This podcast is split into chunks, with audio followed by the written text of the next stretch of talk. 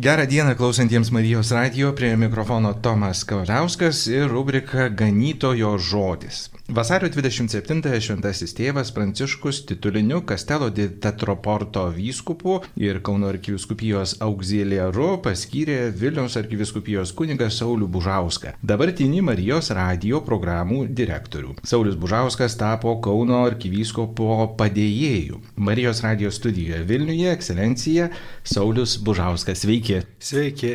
Kaip justi būnant kitoje barikado pusėje? Visada galbūt smagiau kalbinti kitus žmonės, nes toks kūrybiškesnis procesas gali pakreipti pokalbį ir vieną linkmę, ir kitą linkmę, o dabar reikia jau, kaip sakant, paklusti tam, kuris kreipia. Būti egzaminuojamu. Tai būti egzaminuojamu, kažką pasakoti apie save, apie, apie kažką, ko klaus. Na štai, ir atėjo balandžio 22, kai gavote šventimus, jau esate nebe nominuotas, o išventintas vyskupų. Na, tiesiog labai paprastas klausimas. Kaip ta jausena, kaip vat, na, pavyko priimti tą žinę, kad tapsite vyskupu? Tai buvo tikrai labai netikėta. Matot, mes kunigai viena vertus dažnai juokaujam ir mėgstam pareigybę skirstyti vieni kitiems ir, ir, ir, ir viena vertus ir pasišaipom vieni iš kitų ir, ir kita vertus galbūt įvertinam vienas kito dovanas.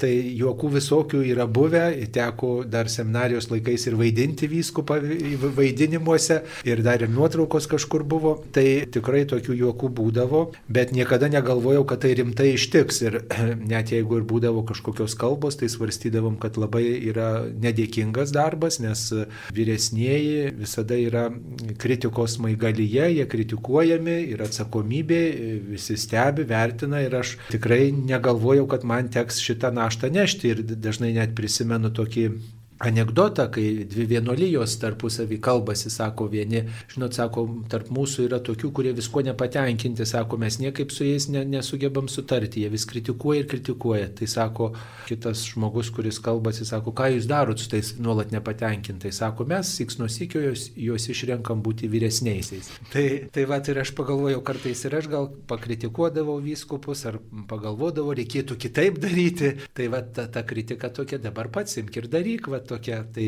tikrai, kai tą žinią gavau, tai buvo be galo netikėta, be galo keista ir galvojau, kodėl aš, ką tai reiškia, ar tai pokštas, gal nesusipratimas ir, ir, ir tikrai dar ilgai tą svarščiau, kad čia netinku ir neturiu jokių tų dovanų, kuri reikia ir panašiai, bet manau, kad tame paskirime yra kažkoks Dievo planas, jau labiau, kad Šventam rašte yra tokių istorijų labai daug, kai, kai tie žmonės kitų gal nevertinami, nurašyti ar kitų akimis nelabai kam tikę, o, o jie turėjo tam tikras ypatingas užduotis. Tai va, ir, ir mane paprasta kuniga, paprasta nieko taip labai nepasižyminti, nes šventasis tėvas ir jo bendradarbiai paskyrė tokį tarnystį. Tikrai labai tokį jaučiu ir, ir, ir atsakomybę, ir tokį rūpestį, ir tokį krūvį didelį, kuris pristegi ir širdį, ir pečius. Ir reikia dabar galvoti ne tik apie save, bet galvoti apie kunigus, su kuriais bendradarbiausiu, nes vyskupas kunigų bendradarbis, ir taip pat apie bažnyčią ir apie Evangelijos skelbimą, kaip tą daryti kuo,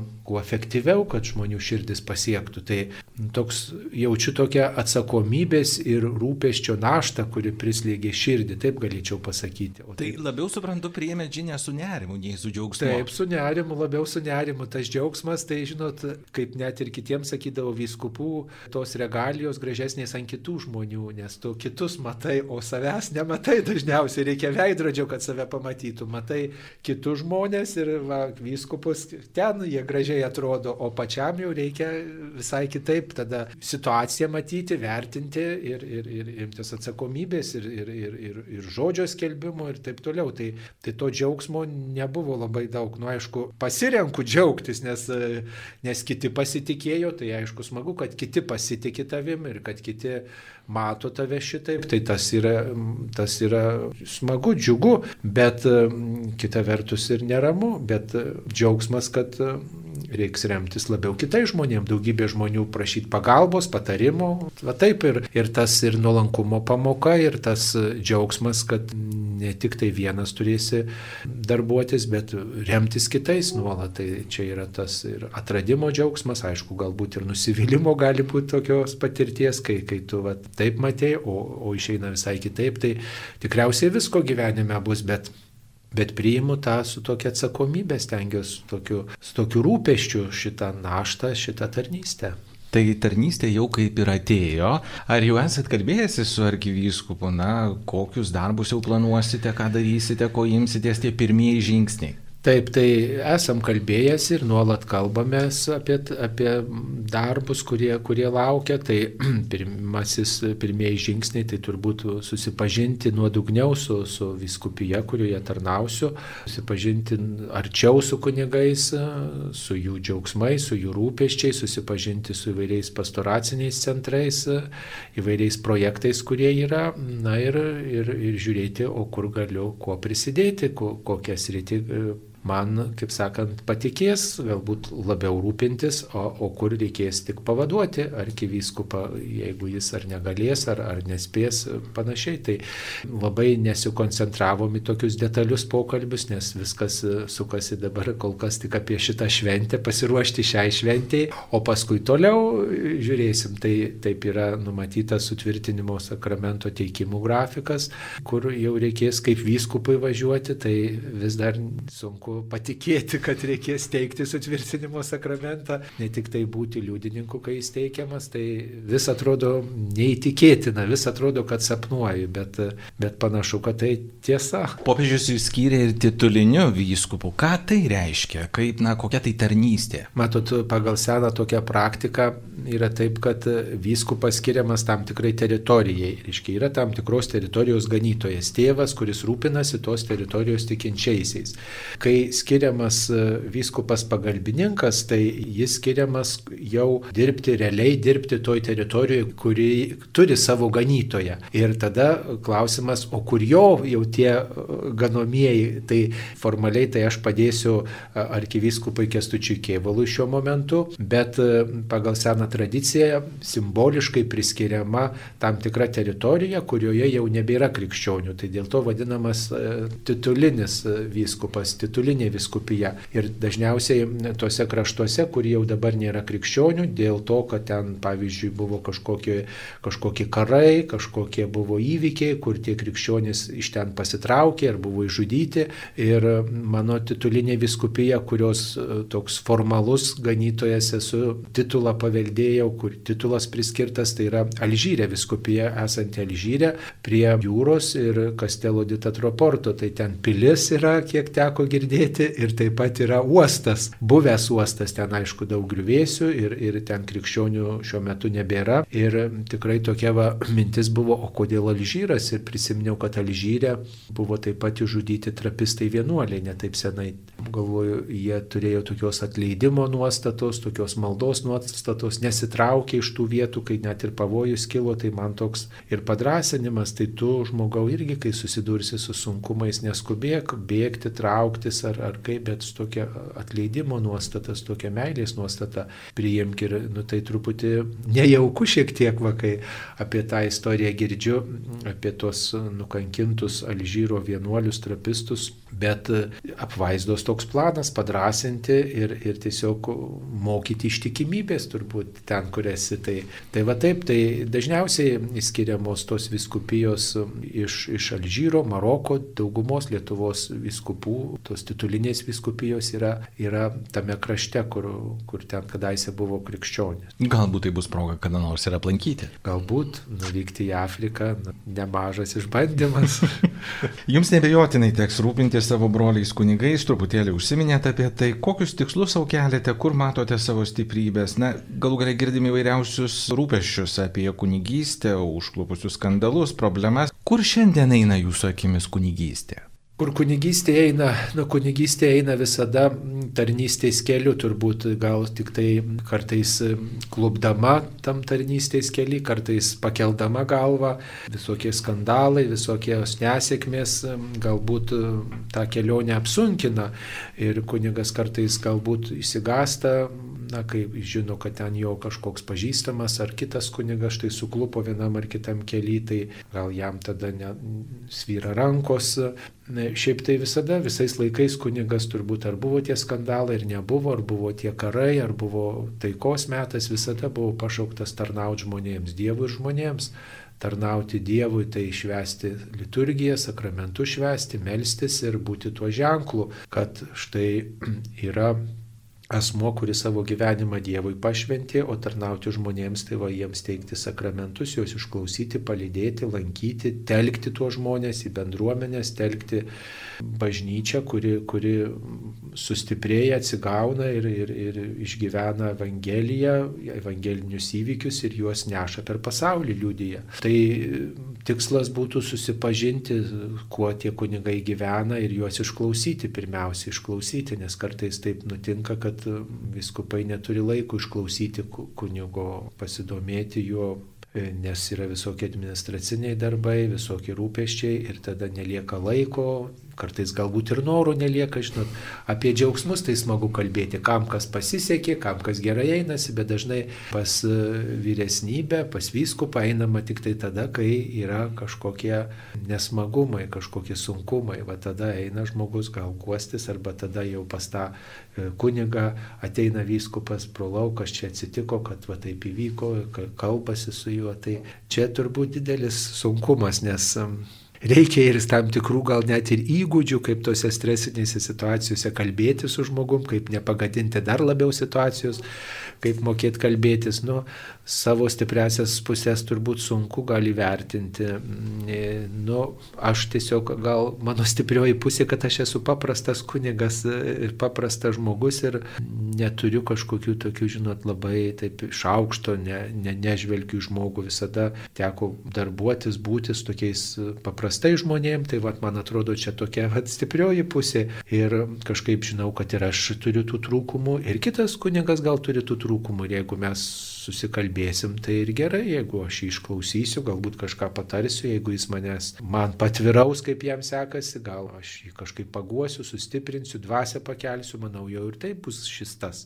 O, o toliau žiūrėsim, kaip čia ką padaryti, kad nepagadinčiau. Kai aš tapau kunigu, tai supratau, kad ne tik tai turiu prie Dievo žmonės vesti, bet pirmiausia nuo to Dievo netitolinti. Tai dabar manau, kad ir tapus vyskupu yra tas pats, tas pats tikslas, ne kad tuos pačius kunigus labiau jų širdžių ne, neužkėtinčiau, Nes visada turbūt ir kunigai, kad ir kiti turbūt darbuotojai, ir jūs žurnalistai, ir, ir bet kurie kiti žmonės apie viršininkus ne visada būna geros nuomonės.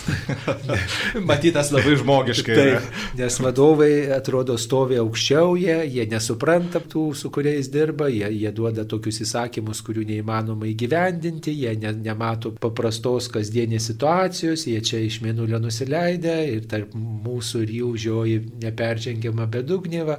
Tai va tas yra baisiausiai. Tai vat, kažkaip nesinorėtų, kad tos bedugnės būtų, bet kaip tik kažkaip tiltus tuo statyti, bet nežinau, nežinau, kaip tas viskas, tas viskas seksis, bet tikiuosi, kad tikiuosi gal kažkaip pavyks. Visada su viltimi eina žmogus, tai jau koks vyskupas, jeigu neturi nors truputėlio vilties, tai ir aš tą viltį stengiuosi pasirinkti, kad tikrai, jeigu taip jau Dievas norėjo, kad tapčiau tokios tarnystės dalininku, tai, tai prisijimu tą, tą naštą, ne dėl to, kad to labai būčiau siekęs ar to norėjęs, bet tame išvelgiu Dievo planą. Jeigu viešpats pašaukė čia būti, vadinasi, jis mato planą, net jeigu ir mums atrodo, atrodo kažkokia nesąmonė, beprasmiškas dalykas, bet ką mus viešpats kviečia, tai būti ištikimais, nebūtinai sėkmingais, bet būti ištikimais savo, savo keliai, savo savo tarnystėje, kur mus pasodino, kur mus paskyrė. Iki šiol esat paskirtas Marijos radio direktoriumi, tai esat griežtas reiklus vadovas.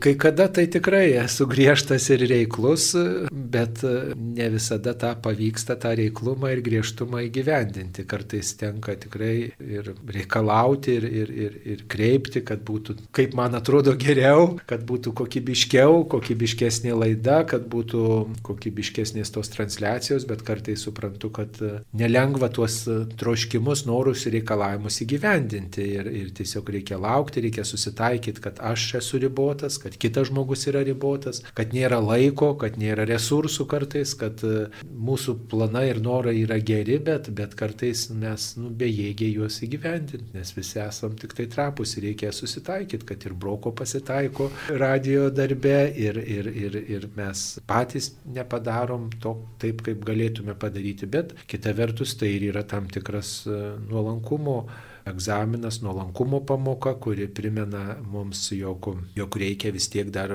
tobulėti, kad dar, dar yra kur aukti ir, ir rengiant laidas, ir, ir atliekant visokius techninius darbus. Tai, tai tie trūkumai arba klaidos, nesėkmės nebūtinai yra pralaimėjimas. Tas man tikrai dažnai e, padeda va, tas suvokimas, kad tai gali būti e, kažkoks naujas atradimas ir galbūt tai skatina ir kūrybingumą, o kaip kitaip prie to klausimo grįžti. Tai tas, tas džiugina ir kad nesėkmė ne visada yra nesėkmė, jau tikrai nesėkmė gali būti tai sėkmės pradžia, jeigu aš tinkamai tą nesėkmę įvertinsiu, pasversiu arba iš jos pasimokysiu. Keisti požiūrį. Keisti požiūrį arba keisti aplinkybės, keisti save. Nu, bandyti panaudoti tą kaip įmanoma naudingiau tą nesėkmę. Nes ir Žiūrėkit ir tą mūsų tikėjimo istoriją, Adomo ir Javos nuodėmė dovanojo Jėzų Kristų mums prisertinusi, kuris už mūsų savo gyvybę atidavė, kaip ir Velykiniam šlovinime gėdama, sako, laiminga ta kaltė, kuri davė tokia atpirkėja. Tai vad Jėzus atėjo už mus numirti, nes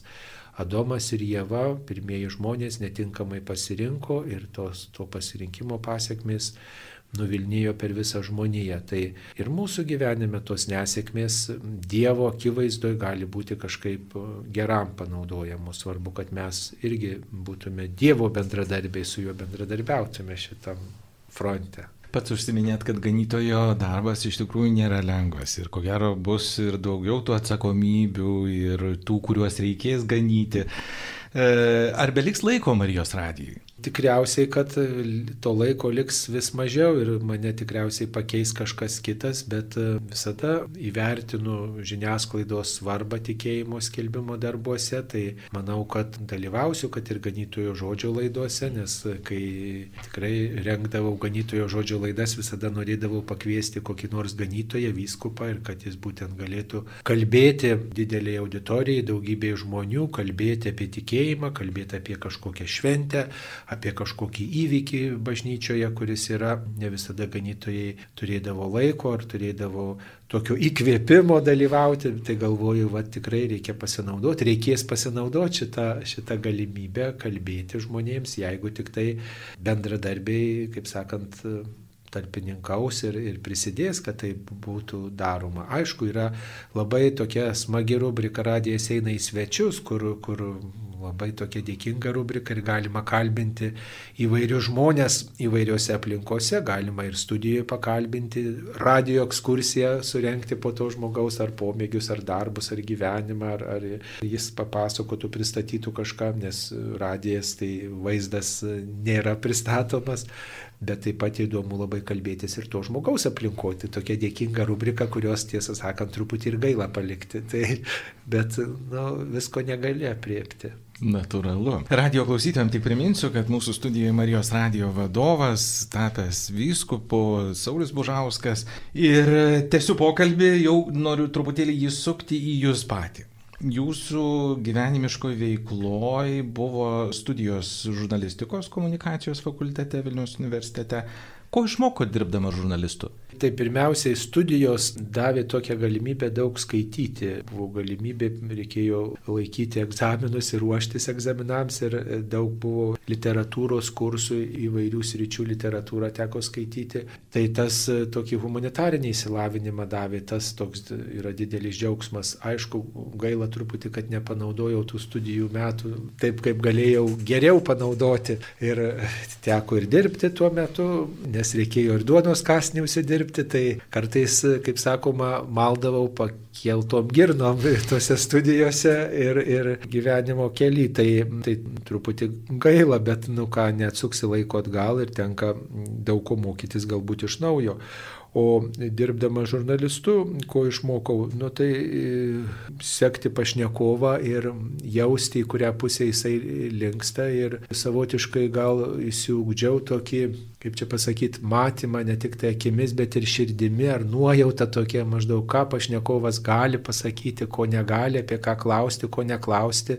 Ir kartu, kartu taip jau klausytis to pašnekovo ne tik tai to, ką jis pasako, bet ir ko nepasako, nes kartais informacija yra tai, ką jis nutyli, įvertinti jo kūno kalbą, tai labai įdomu, stebėti žmogų ir savotiškai susidaryti įspūdį apie jį. Ir ta pašnekovų įvairovė tokia yra įdomus e, dalykas, labai kūrybinis darbas. Viena vertus tai yra įdomu, bet kita vertus, kai tą turi daryti kiekvieną dieną, tai aišku tas išsekina. Kai tu nuolat turi būti kūrybingų žmogum, o kartais nėra tų idėjų, nėra to, to įkvėpimo, įkvėpimo mm. kažkas užmygo tavį ir atrodo negirdi, nematai ir nesugalvoji kažką, tai tada tokios kūrybinės kančios, kaip sakydavom, yra kartais ir radijoje, va toks būna, kad, nu, o ką čia dabar pakalbinti, o kaip čia padaryti daryti, o kaip čia. Tai Visko yra. Tai tas tikrai žurnalistikos periodas e, gal išmokė ir tokio neigiamo dalyko, tokio kritinio požiūrio.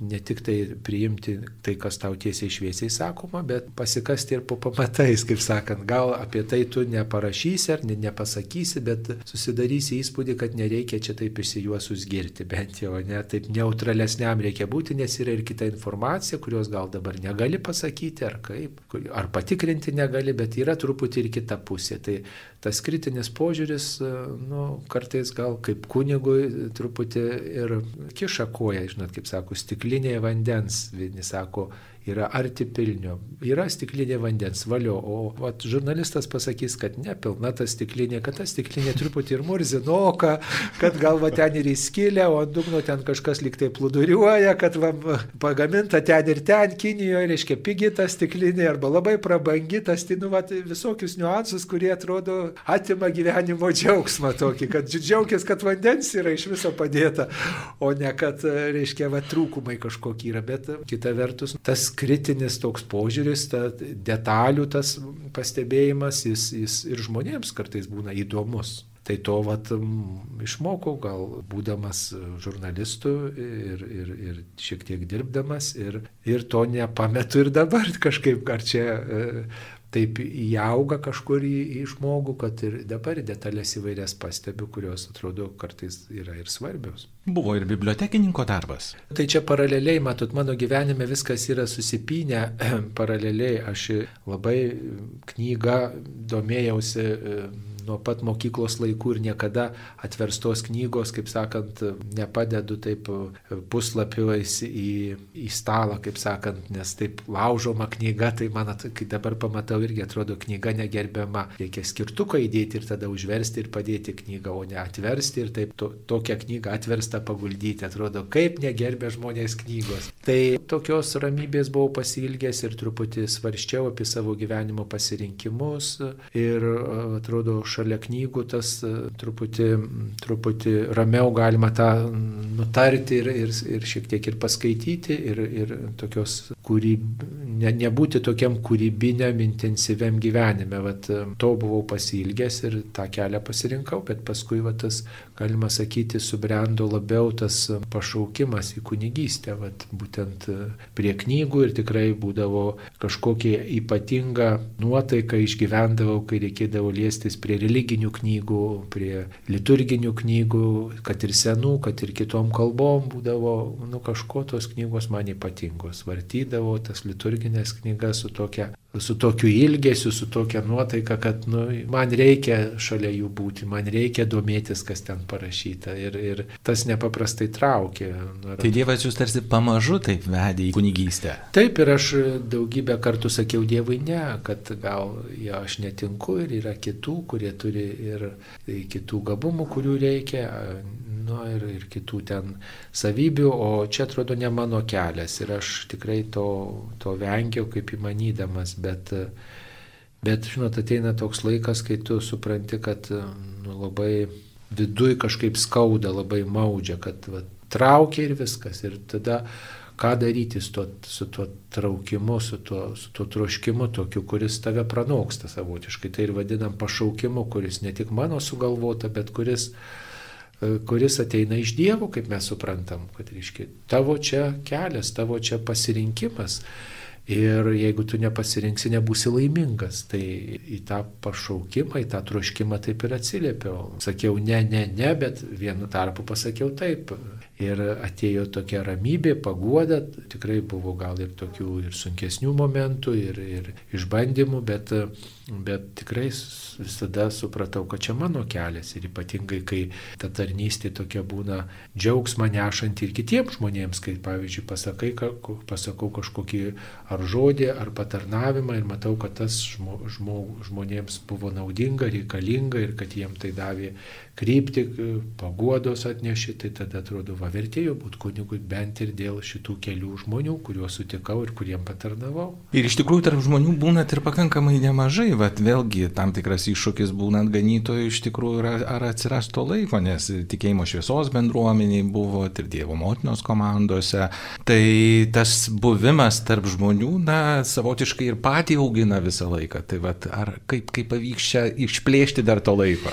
Na tai, kaip suprantu, iš kitų viskupų ir iš, ir iš darbo tokių tarnybos tų uždavinių, kad to buvimo tikrai turės būti. Ne tik tai prie popierių sėdėti ar kažką ten organizuoti, ar, ar rūpintis, kad kiti padėtų organizuoti, bet, bet ir išklausyti žmonės ir, ir būti tarp žmonių, tai neišeina iš minties popiežiaus pranciškaus pasakytas e, sakinys, kad ganytojas turi kvepėti avimis. Tai e, kartais tas kvapas gal nėra malonus ir, ir, ir, ir toks labai švelnus, žinom, kad avys kartais ir netaip skaniai kvepia, tai kitaip sakant, pažinti savo žmonės, pas kuriuos tu esi siunčiamas. Tai taip kaip kunigas turi pažinti savo bendruomenę, savo parapiečius, e, Marijos radijui teko dirbti, tai pažinti savo klausytojus labai įdomu būdavo, tai aš visada su malonumu važiuodavau ir į parapijas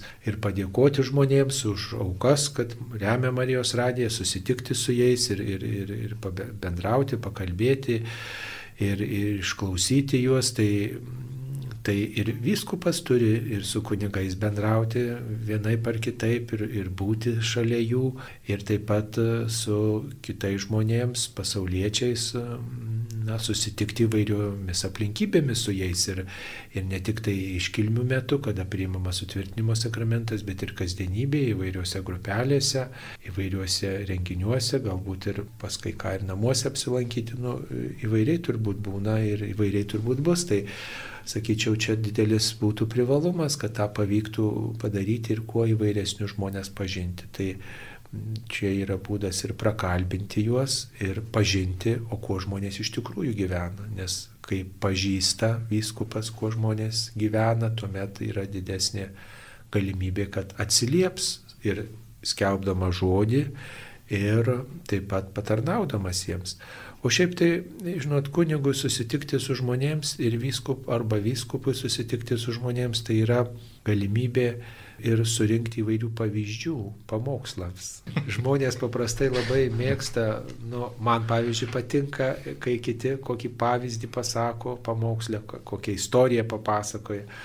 Ir, ir, ir, ir, ir aš stengiuosi kokį pavyzdėlį, kokį, kokią istoriją papasakot, va, kuri iš gyvenimo paimta aišku, reikia diskretiškumą visada išlaikyti, bet e, dėl to įsimena žmogui tą istoriją, o per tą istoriją jisai supranta kažkokią teologinę tiesą. Va, nes jeigu taip teoriją papasakoja kunigas ar vyskupas, jeigu ten mokymą e, e, pateikia, ne visada žmonės įsimena, ne visada žmonės supranta, o paprasta konkreti istorija jinai kažkaip užgauna širdį. Ji primena jo paties gyvenimą arba ji primena tą vertybę, kuri ten toj istorijoje yra užkoduota, kuri ten yra įdėkta. Tai, tai vad susitikimuose su žmonėmis to, ir pamatai, kokios istorijos būna, kaip jos baigėsi, na va, išgirsti tų istorijų ir tai,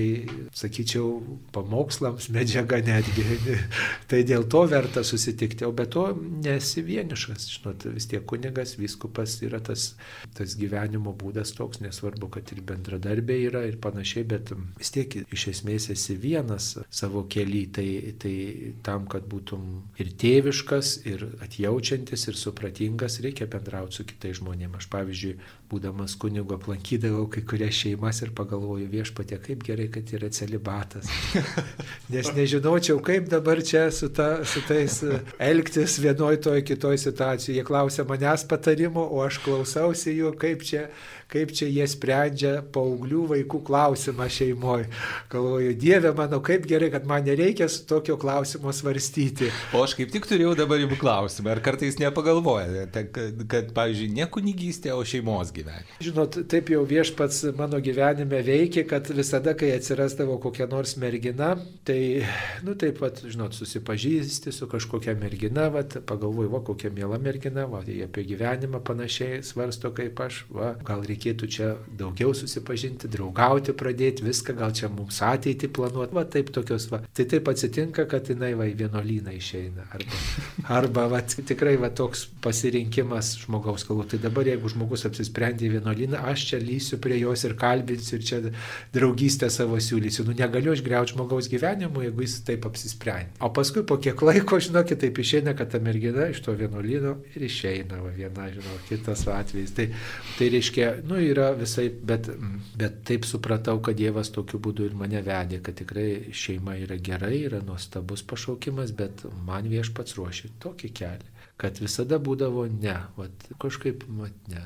Nors tikrai šeimoje tai daug džiaugsmo, visada galima patirti ir patiriu tose šeimose, kur, kurias aplankau, kurios yra mano bičiuliai, tai jų bendrystė, jų tarpusavio santykis visuomet džiugina ir mane praturtina ir, ir, ir padeda nesijausti vienišu, o kaip tik tai tokia brolystė padeda išgyventi ir tą tėviškumą. Ir aišku susipažįstu, kad vaikus auginti tai yra didelis išbandymas, ypač paauglius ir kaip jiems vertybės perteikti, tikėjimą jiems nešti, tai, tai tada suprantu, kad tai tikrai yra didelis darbas, kartais Sizifo darbas, reiškia ritinti akmenį, kuris nuolat nukrenta ir vis vėl ir vėl reikia pradėti. Tai ir patart kažką reikia, bet ką gali patarti, kai pats na, neturi to šeimos, bet kita vertus galbūt matau įvairias patirtis, ne įvairių šeimų patirtis, matau bažnyčios mokymą, matau savo patirtį, kaip, kaip pats vaikas buvau, matau savo patirtį, kai teko būti vaikų stovyklose, įvairiuose rekolekcijose, lydėti jaunimą. Tai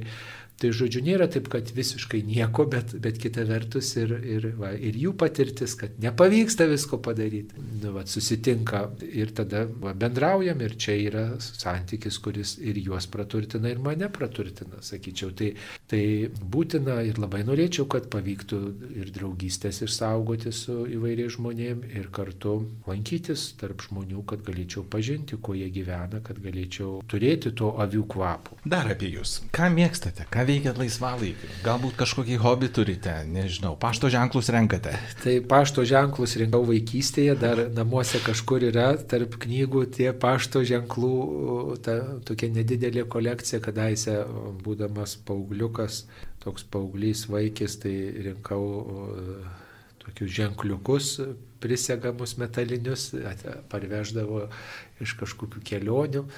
Tai dar ir ta tų ženklų tokia e, kolekcija rinkinėlis yra namuose. O šiaip dabar daugiausiai džiaugiuosi, kai galiu būti gamtoje. Kai galiu būti gamtoje, mėgstu uogauti, grybauti įvairiomis prasmėmis, kaip sakant. tai, tai tikrai gamtoje gamtoj labai pailsiu ir džiaugiuosi, džiaugiuosi, kad galiu ir tyrų orų kvepuoti ir džiaugtis kūrinyje. Tai gamta patinka, patinka įvairūs augalai, mėgstu ir arbatai prisirinkti žolelių, tai, na, va, tokie tie ir pomėgiai, aišku, dviračių mėgstu važinėtis ir, ir kelionės visada džiugina ir, ir truputį ir akiratį praplečia, aišku, kitų pomėgių, pavyzdžiui, knygos skaitimas, tik tada va, dirba, kaip sakant, vis tos pačios smegenų sritis, jeigu reikia ir ruoštis laidai, pavyzdžiui, ruoštis pamokslui skaitai, o tada pomėgis irgi skaitai. Tai jeigu gera knyga, tai tada tikrai labai įdomu ir jeigu e, įdomi knyga, naudinga, įdomi, nauja kažkuo, tai tada tikrai labai smagu, bet kartais skaitai, nes reikia pasiruošti ir tada, tada truputį atrodo reikėtų laisvalaikiu kažko kito. tai va taip, bet Esu kaip ir bet kuris kitas žmogus turbūt visada atsigaunu gamtos apsuptyje. Kokią svajonę turit? Suprantu, kad jau tapti vyskupu, ko gero, irgi buvo tokia slapta svajonė. Ne, to, tokios svajonės tikrai ne, ne, nebuvo net slaptos, nes stovėti prieš akį žinot, vis prisvarstydavau, kad raudonė vyskupo rūbai tai yra ir tokios ir kankinystės ženklas, reiškia, liūdik tikėjimą net iki kankinystės ir tai nėra, nėra lengva apie tai kalbėti gal galime, bet kai tą reikia paliūdyti ne, ir, ir nepatogumus patirti, ir priešiškumą, ir kritiką, tai tikrai nelengva. tai tos svajonės tikrai ne, nebuvo. Nu, aišku, pasaulis gal tokią svajonę perša. Kad... Na, visi sakys kaip karjeroje, kad kareivis nori būti generolu. Taip, bet bažnyčioje taip nėra. Ir čia vienas toks vienas gražiausių linkėjimų gavų žinia apie, apie šitą mano paskirimą, vienas tokių gražiausių linkėjimų arba situacijos apibendrinimų buvo toksai, sako, tave pakėlė arčiau kryžiaus. Tai tikrai arčiau kryžiaus, nes vyskupas nešioja kryžių kaip tikėjimo ženklą ir kartu priminimą, kad neša kartu su kryžium, kartu su Kristum kryžių. Ir, ir, ir, ir, ir turi būti arčiau Kristaus, tai ir gal daugiau melstis, ir stropiau melstis, ir, ir, ir, ir įvairiomis intencijomis melstis, ir labiau už bažnyčią melstis, ir ta bažnyčia jinai, jinai keliaujanti, jinai tokia besigruminti bažnyčia, besigruminti už Evangeliją, patirianti nepatogumus. Tai pasaulis tą karjeros tokį motyvą e, kelia, bet čia yra ir kita pusė, yra tarnavimas, vis dėlto tarnystė. Ir kartais galbūt likti nuo šaly yra saugiau, lengviau ir, ir, ir, ir geriau, negu kad vat, eiti į, į tokias, jau labiau, kad aš tam niekaip nesiuošiau, net ir italų kalbos nesimokiau, kur atrodo viskupui turėtų būti labai svarbu. Tai jeigu būčiau turėjęs tokią svajonę, tai jau būčiau pradėjęs tai, mokyti. Per gražinu jūs vis tiek atgal, tai ar turit svajonę? Svajonė turbūt yra kuo geriau atlikti savo pareigas tokia bendra, o šiaip tai svajonė gal tikrai, na, tiesiog kuo kūrybiškiau atlikti ir nuvykti piligriminės kelionės, va, panaudoti kūrybingiau, kuo kūrybingiau panaudoti Evangelijos skelbimo va, tą užduotį. Na, viena tokia svajonė buvo, reiškia, panaudoti teatrą evangelizacijos darbams, tai smagu, kad buvo prie to prisiliečiau, dabar galbūt svajonė tokia būtų žiniasklaida panaudoti, kuo kaip galima geriau Evangelijos skelbimo darbams. Tai kažkokių konkrečių projektų dar neturiu, bet kadangi jau taip atsitiko, kad teko ragauti žurnalistų, žurnalisto duonos ir atrodė, kad jau šitas puslapis užverstas mano gyvenime, bet pasirodo Marijos radijui, kad reikėjo iš naujo atversti tą puslapį, kitaip šiek tiek. Tai tikiuosi, kad dar kitaip reikės šitą puslapį atversti ir būnant vyskupu, įvertinant na, užduoti skelbti žodį per įvairias komunikavimo priemonės. Tai tokias tas svajonė, aišku, gal kyla paskui vis ir kitų. ir laikas tirpsta tiesiog akise. Paskutinis klausimas. Kol dar esate Marijos radio vadovas, bet natūraliai suprantu, teks perleisti šitą nelengvą irgi kėdę kitam, e, kokius namų darbus jam paliekat? Namų darbus palieku peržiūrėti visas programas, kurios yra, visas laidas, kurios yra ir tas, kas geriausiai, įsigilinti ir ne, kaip čia pasakyti, neištrinti, neatšaukti, o, o tas, kas truputį galbūt subroko ar, ar, ar kas netai pataisyti. Aišku, namų darbas tai yra susipažinti su visa situacija, perimti visą tą patirtį, kurią aš pasiruošęs perteikti, labai įdėmiai e, domėtis ir, ir tiesiog neišradinėti dviračio, ne, bet e, toliau eiti, ne, ne, visko, ne viską sugriauti, kas buvo, ne, bet e, statyti toliau, nes tik tai tada galima pasiekti geresnio rezultato, nes vėl iš naujo visą viską pradedant e, tvarkyti, daryti, žiūrėti, dirbti, kartais galima ir daug klaidų padaryti, bet mokantis iš kitų klaidų, tada jau galima išvengti savų. Tai tikrai linkėčiau, kad ateitų kūrybingas žmogus ir drąsus žmogus ir kantrus žmogus. Ekscelencija, ačiū labai už jūsų laiką, tikrai už malonų pokalbį. Primenu radio klausytojams, kad viešėjo naujasis vyskupas jau išventintas Saulis Bužauskas. Ačiū už pokalbį. Ačiū Jums, Dievas. Sudėvų. Sudė.